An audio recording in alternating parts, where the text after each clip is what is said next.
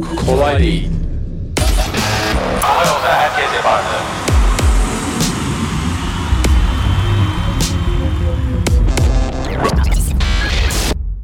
Herkese merhaba. Kolay Değil'den yeni bir bölümle karşınızdayız. Ee, yanımda sevgili Ozan'la Tugay var İKAS ekibinden. Ee, Ozan İKAS'ta Lead Developer aynı zamanda şirket ortaklarından. Yine Tugay da e, İKAS'ın CTO'su ve yine şirket ortaklarından. Bugün konuşmak istediğimiz konu e, yazılım şirketlerinde veya yazılımda iş bilmeyen yöneticiler konusu. E, aslında ben bayağı susacağım bu bölümde. Gerçek yazılımcılar e, yıllarca tecrübe yaşı tecrübeleriyle hani birçok şirkette çalışmış ve birçok yöneticiyle beraber çalışmış. E, şimdileri aslında kendileri yönetici olmuş bizim şirkette. İnsanlardan gerçek tecrübeler dinleyeceğiz. E, ben çok keyifli olacağını düşünüyorum. E, evet sözü yine Tugay'a veriyoruz. Öyle mi? E, Tugay bir içini döksün, rahatlasın. Sonra susmuyor diyorlar. çok da gaza getirme, Ozan da döşemesin. Linç potansiyeli yüksek bir bölümde karşınızdayız. Evet, Tugay Bey buyurun. Ya şimdi ilk olarak başlamak gerekirse ya yazılımda can sıkan birkaç tane yönetici türü var. Yani ee, bir işi bilmeyen yaz, yönetici zaten. Evet. Yani işte çok işi değil de projeyi de bilmeyen yönetici. Projeye konulara hakim olmayan yönetici. İkincisi e, insan ilişkileri zayıf olan yönetici. En Genelde evet yazılım sektöründe yani bizim işimizin gereği sürekli bilgisayarla muhatap olduğumuz için e, gün geçtikçe insan ilişkilerimiz zayıflıyor. Çok fazla iletişime geçmediğimiz için. E, üçüncüsü de bir şey bilmeyip bildiğini sanan en tehlikelisi. yani benim şu an aklıma gelen bunlar. Ama bu son iki dediğin her sektörde var yani. Hani Yani, insan evet. ilişkilerini bilmeyen ve ya üçü de var yani işi de bilmeyen yönetici. Evet. Ya şöyle başlıyor. E, yani yazılım sürecinde bir iş geliştirmede yeni bir özellik yaparken yaşadığımız en büyük sıkıntı şu. E, abi özellik yapılacak. Bu yapılsın. Şimdi özellik ne? Nasıl erişilecek? Bunun süreçleri nasıl olacak? Kullanıcı buraya nasıl gelecek? Bu özelliğin etkilediği yerler neresi? Hani yani tamamen kap kapalı kutu ve hiçbir şekilde bilgi araştırılmamış, üzerinde çok düşünülmemiş, araştırma yapılmamış konular. Ve bu yazılımcıyı şey yani biraz böyle kaosun içine, karanlığın içine fırlatmak gibi bir şey oluyor. En çok yaşadığımız sıkıntı bu oluyor. Çünkü konu net olmayınca, yazılımcının kafasına konu net olmayınca kod yazacağı süreçte bu sefer onu düşünüyor. Yapıyor, olmuyor, başka bir şey yapıyor, yine Evet, olmuyor. Morali bozuluyor. Çıkmaza giriyor, morali bozuluyor, Motivasyon performansı kaybı. düşüyor. Yani bu direkt yazılımcıya vereceğimiz en te- yazılımcı açısından en tehlikeli konu bu açıkçası. Ee, Kişisel ilişkiler tarafında ne, ne tür sıkıntılar oluyor? Bu iş bilmeyen yöneticilerle ya da e, belki kişisel şeyleri zayıf olan yöneticilerle. Ya bu o da şöyle oluyor. Yani il- iletişimi zayıf olan yöneticinin sıkıntısı da şu oluyor. Sen mesela yöneticin olduğu için ilet- sürekli bir şeyler söylüyorsun, bir şeyler raporluyorsun ve eee, böyle sana verdiği tepkiler soğuk ve içten olmuyor. Ondan sonra ne bileyim eee, ver yani sana karşı konuşması ya da sana söyleyeceği cümlelerin gerçekten seni kıracağının farkında değil. Anladın mı? Kişisel iletişimde çok zayıf olduğu için ee, ya da böyle bir, bir olay oluyor. Mesela bir zorunda değil ama bir yönetici bir yere gidiyor ya da gelmiyor o gün. Kimseye haber vermiyor mesela takımından ve takım böyle, böyle bir kaosta. Hani o gün ne yapacağını bilmiyor. Biz bunu çok yaşadık yani. Gelmiyor. iki gün sonra böyle sonra onun yöneticisi yani yöneticimizin yöneticisi bize bize soruyor bu sefer. Nerede diyor. Bizim de haberimiz yok diyoruz. Yani Çok kötü bir durum. yani. çok kötü bir durum. Ya sonra şirkette kimisi yani kimi insan kafasına göre dörtte çıkıyor işte, üçte çıkıyor değil mi? Aynen Yani öyle. Aynen öyle bir durum oluyor. Evet. Yani o yüzden yani iletişimi kuvvetli olmayan böyle hani iletişimi kuvvetli hani iletişime giren ama negatif iletişime giren de çok fazla oluyor. Evet, Sürekli girmese sert daha- konuşan, girmese, girmese daha iyi. daha iyi küfreden yani ya böyle toplantıda kadınların yanında küfreden yöneticimiz de vardı bizim yani. Evet. Çok biz utan, utanıyorduk, o utanmıyordu. Yani o da kötü bir iş- durum Evet. açıkçası. Yani onun dışında zaten iş bilip de bil- işi bil- bilmeyip de bildiğini zanneden daha tehlikeli. Çoğu kişinin deneyimi vardır. Ya burada aslında sözü Ozan'a vermeden önce ben ufak bir şey söyleyeyim. Ee, çok fazla arkadaşımda da tanıdığımda da gördüm bunu. Özellikle herhangi bir özellikle büyük organizasyonlarda çok fazla işte hiyerarşi var, yönetici, Evet. onun üst yönetici vesaire var. Ee, çok fazla yerde gerçekten senden çok daha kötü, vasıfsız, vizyonsuz, ilişkileri kötü ama bir bir şekilde oraya gelmiş yöneticiye denk geldiğin zaman onunla çalışmak o kadar zor ki hele uzun süre yani uzun süreli çalışmak eee baya baya zor bir iş ve buna tahammül edebilmek, psikolojik olarak dayanmak eee, insanı bitiren bir şey. Çok insan bundan dolayı istifa ediyor yani şirketlerden. Çok fazla. E, çok insan da ed- edemiyor çünkü ya o da yani bir şekilde belki maddi vesaire bazı kaygılarından korkuyor ama ya da ondan sonra o da yolunu bulmaya çalışıyor. O da en kötü şey yani e, hakkıyla gelemeyeceğini düşünmeye başlıyor ve e, çok kötü bir sistem oluyor. E, senin Ozan bu iş bilmeyen yöneticilerle ilgili böyle kötü bir anın var mı yani direkt spesifik olarak bahsetmek isteyeceğin? Valla Tugay'ın anlattıklarına paralel aslında benim düşündüğüm her şeyde. Bugüne kadar gördüklerim de en azından öyle. Yani en sıkıntılı durum bence şey oluyor Tugay'ın dediği gibi. Hani işin ne olduğu belli değil, nasıl yapacağı belli değil. Yani yazılımcının işi zaten kendi başına zor bir iş. Bir de işi nasıl yapacağını, ne, iş, business logiğe karar vermesi falan gerekiyor. Bu durumlar biraz zorluyor. Peki bu yazılım ya bu yöneticilerin işe fazla müdahil olduğu zamanlar oluyor mu? Yani öyle bir şey var mı yani böyle hani e, işine çok karıştı yani hani O da var. ya Yani şöyle yapma böyle yaz bunu falan diye. Micromanagement. Evet, micromanagement Microman- oluyor mu? Yani bir, de, bir defa yaşamıştım böyle bir şey. Hani o da gerçekten çok tehlikeli. Evet, ne yani olmuş Daha ben işimi bitirmeden yani task'ın bitmiş gibi davranıp daha olmamış falan dendiği falan da oluyor hani. Daha Ağzını bitmedi zaten yani. bir şey ben bitti demedim bilmiyorum. Ağzını yüzünü kırarım lan dedi. İçimden demiş olabilirim ama. evet. E, Ozan'ı tanıyanlar diyormuşum. Ya ya o da korkunç bir şey değil mi yani hani e, bir dur yani değil mi önce bir işimi yapıyorum Tabii yani zaten. bir işimiz yani ben bitti diyeyim ondan sonra kontrol et. Hani sıkıntı varsa eyvallah bakarız beraber Evet. ama hani Senin daha ne kadar titiz ve iyi iş yaptığını bilen biri olarak yani hani bu senin için ekstra daha da zor olmalıdır yani ki- kendi kişisel Yani- karakterinle ilgili söylüyorum. Hani birçok insan için zor ama senin için ekstra zor olacağını düşünüyorum bunun. Ee, sen ne diyorsun micromanagement konusunda? Micromanagement'ta benim yaşadığım bayağı bir şey var aslında. Ya şöyle bir ya Birazcık böyle magazine girelim artık Tugay. aslında çok sevdiğim insanlar da neyse. Abi söyle isim Ee, vermiyoruz. Şöyle ya böyle yanına oturup hadi sen kod yaz bunu beraber yazalım ben de senin yanına oturayım sana göstereyim diyen yöneticim var yani anlatabildim mi? Yani kendisi böyle genel müdür seviyesinde yanına oturuyor. Genel müdür yardımcısı seviyesinde yanına oturuyor. Hadi şunu yazalım beraber yarım saatte bitiririz falan yani. Böyle yöneticilerim oldu. Ve Yani peki şimdi bu kötü ama daha kötü bir senaryo daha söyleyeyim.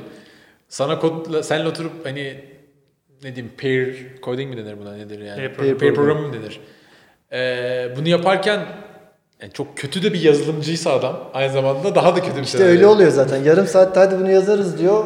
5 saat oturduğun koltuktan kalkamıyorsun sonra. Böyle karışıyor, gidiyor, onu söylüyor, bunu deniyor. Yani bir şey de yapamıyorsun. Yöneticin olduğu için zaten dediklerini yapmaya çalışıyorsun. Yani mikromanagement ya ya birkaç katman atlayıp ta yazılımcıya kadar inmek çok doğru değil. Çünkü sen buraya 3 tane katman işte onun yöneticisi almışsın, yöneticinin yöneticisi almışsın. Sen onları da yönetiyorsun falan yani.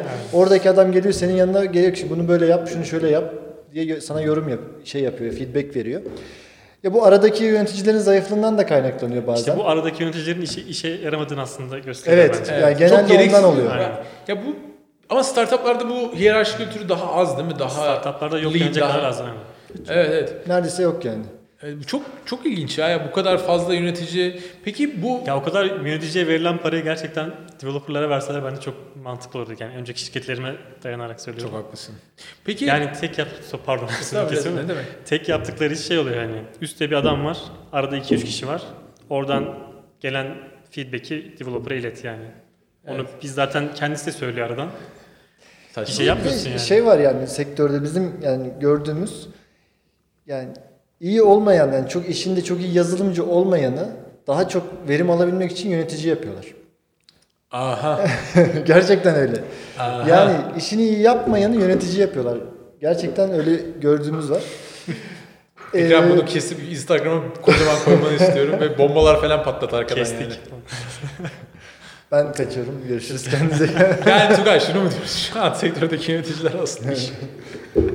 Ya buradan ya- buradan ya- başlıyor. Çünkü Ya burada tabii biz genelde yani e, bir şey veriyoruz ama tabii istisnalar kaydeyi bozmaz. Var yani Ya, istisnalar da. yok aslında doğru bir mantığı da var kendi içinde şirket açısından düşününce sen gel Ama abi onu- verim o- aldığın bir insanı bir üst seviyeye çıkartırsan onun boşluğunu doldurmak için 2-3 kişi daha alman gerekebilir. Ama öyle de işte sen verim aldığın adamı e, ya ödüllendirmek istiyorsan hani ne bileyim ona yönetici gibi haklar sun ama yönetici deme. Bunu Google yapıyor bu arada yani. Ya şöyle bir şey var aslında. Gerçekten çok saçma bence. Türkiye'de en azından böyle gördüm ben bugüne kadar. İyi kod yazan bir yazılımcı var. Adam bayağı her şeyi yapıyor. Bütün ekibe yardım ediyor falan ama adamı yönetici yapmak istiyorlar. Yani adam Adama güya istemiyor zaten. terfi vermek için değil mi? Adamı ödüllendirmek istiyorlar ama adamın istediği ödül bu değil. Yani benim maaşımı arttırın bana yeter diyor mesela. Ben yaptığım iş bu. Ben bunu seviyorum diyor. Yani ben iş olarak kod yazmak istiyorum diyor. Adamı yönetici yapıyorlar. Hani bu da bir şirket açısından verimsizliğe yol açıyor aslında. Bir de çünkü o adam iyi, iyi yaptığı bir iş varken tam tersi yönetici olduğunda belki adamın insan ilişkileri zayıf. Evet. Liderlik vasıfları zayıf. Aynen. Evet. Motivasyon yani insanları motive edemiyor vesaire. Ee, çok yanlış bir role de sokmuş Evet. oluyorsun. Adamı down ediyorsun orada Evet. yani. Adam hem istemediği bir iş yapıyor hem sessiz sakin bir insan mesela. Hiç böyle insan ilişkileri zayıf yani.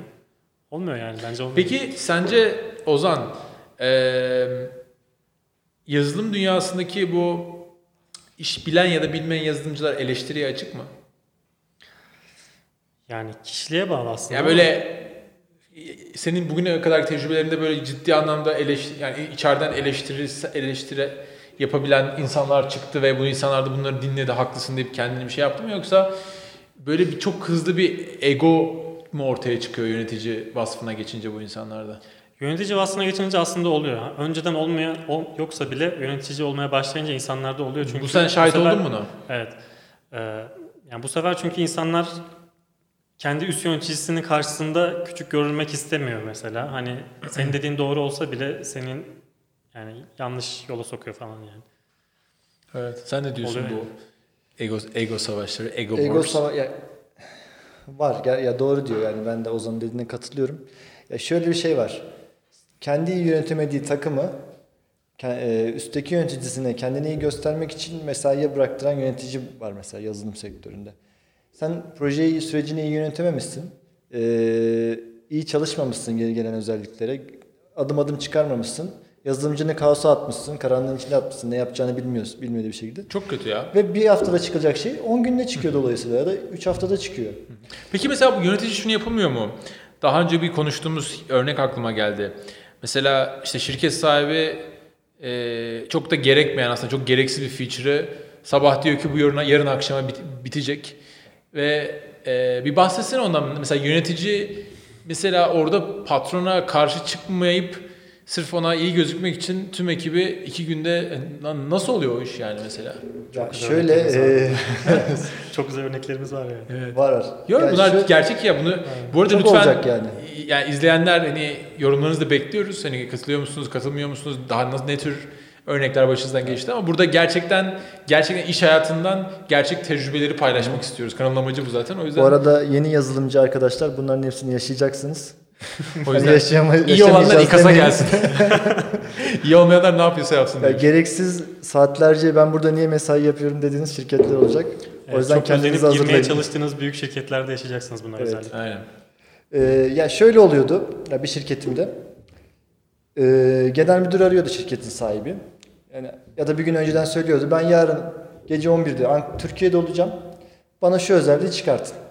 Ve bu özellik bir, bir haftada çıkacak bir özellik. Ve dolayısıyla e, bu yönetici de kendini ispatlamak zorunda ki yerini garantilesin, işte zammını arttırsın vesaire gibi durumlar var. Ne yapıyordu? O gün başlıyordu. Ertesi güne kadar çalıştığımı biliyorum. Ben yani sabah 8'de girip ertesi günü akşam 6'da işte çıktım biliyorum mesela.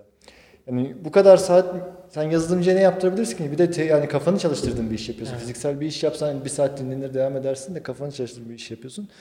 Yani en tepeden aşağı doğru bu stres ve yoğunluk aşağı doğru da- dağılıyor aslında. Yani şirketin sahibi ne kadar böyle anlayışsız ve uçuk taleplerde bulunursa o zaman yöneticiler de yazılımcıdan böyle taleplerde bulunuyor. Burada işte aslında iş bilen bir yöneticinin e, patrona karşı çıkması lazım. Yani e, şirket bekası ve şirket çıkarı içinde hani o sırf orada bir böyle koltuğunu garanti etsin ya da işte zammını artırsın ya da şey biraz yani yağ çekmek için ya bak patron sen bana bunu bile desen biz bunu da yaparız gibi.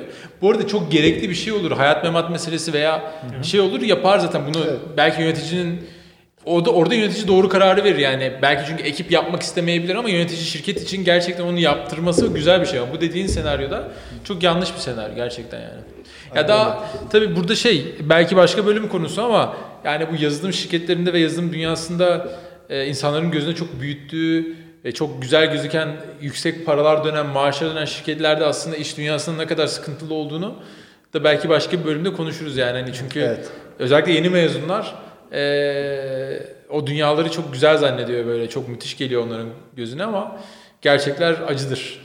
Başka Maalesef. aklınıza gelen bir örnek var mı? Ee, var aslında ama daha konumuz çok uzar. Okey. Biz bu konuda çok Tamam. dalıyız çünkü. Okey. Bu- Bunun bir tane bölüm bir, bir, bir tanesini daha yapalım bu konuyla ilgili. Evet. Ee, önümüzdeki bölümlerde. Okey. Çok teşekkürler arkadaşlar. Çok güzel katkılar yaptınız. ederiz. Evet, bizi dinlediğiniz için teşekkür ederiz. Bir sonraki Kolay Değil bölümünde görüşmek üzere. Hava yolda herkes yapardı.